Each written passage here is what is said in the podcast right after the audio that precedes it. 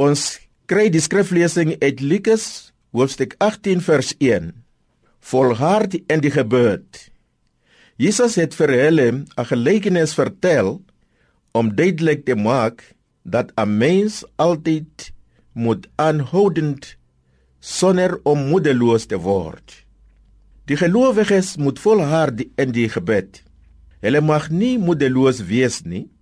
Hierdie gelykenis van die onregverdige regter leer ons om geduldig en volhard in die gebed.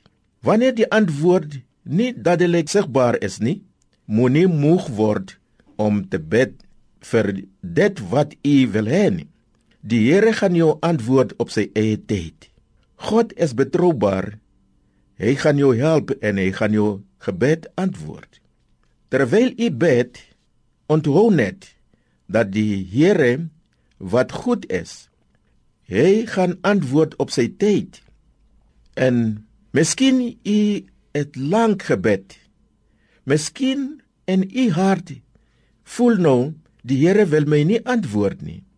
En ek wil jou aanmoedig om aanhoudend en volhard en die Here op sy tyd, hy gaan jou help.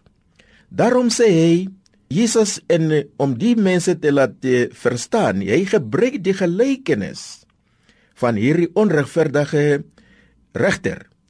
En God, hy is so regverdig as die onregverdige dit dit al gedoen het om die persoon te antwoord. Wat van God wat u nie kan antwoord nie.